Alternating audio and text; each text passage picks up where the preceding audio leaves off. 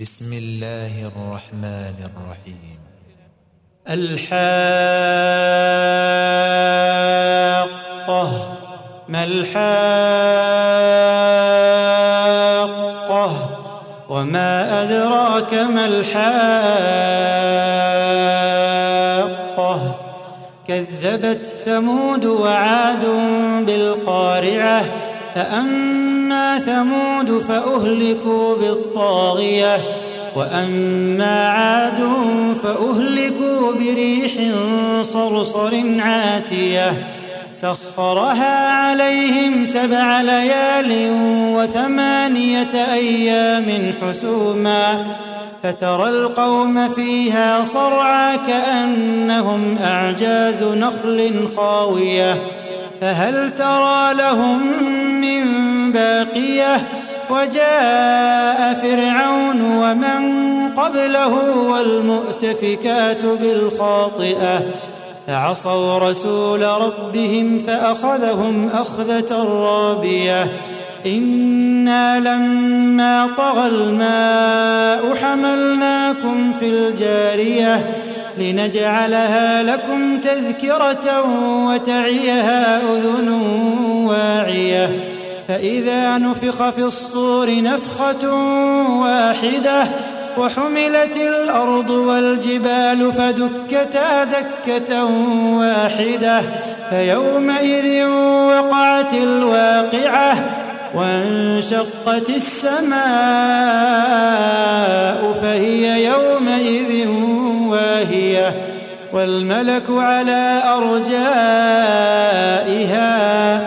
ويحمل عرش ربك فوقهم يومئذ ثمانية يومئذ تعرضون لا تخفى منكم خافية فأما من أوتي كتابه بيمينه فيقول هاؤم اقرءوا كتابيه إني ظننت أني ملاق حسابيه فهو في عيشة راضية في جنة عالية قطوفها دانية كلوا واشربوا هنيئا بما أسلفتم في الأيام الخالية.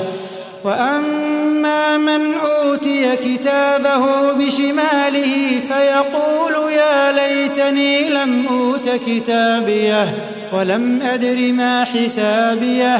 يا ليتها كانت القاضية ما أغنى عني ماليه. ما أغنى عني ماليه هلك عني سلطانيه. خذوه فغلوه خذوه فغلوه ثم الجحيم صلوه. خذوه فغلوه ثم الجحيم صلوه. ثم في سلسلة ذرعها سبعون ذراعا فاسلكوه. إنه كان لا يؤمن بالله العظيم ولا يحض على طعام المسكين فليس له اليوم هاهنا حميم ولا طعام إلا من غسلين لا يأكله إلا الخاطئون فلا أقسم بما تبصرون وما لا تبصرون إنه لقول رسول كريم وما هو بقول شاعر قليلا ما تؤمنون ولا بقول كاهن قليلا ما تذكرون تنزيل من رب العالمين ولو تقول علينا بعض الأقاويل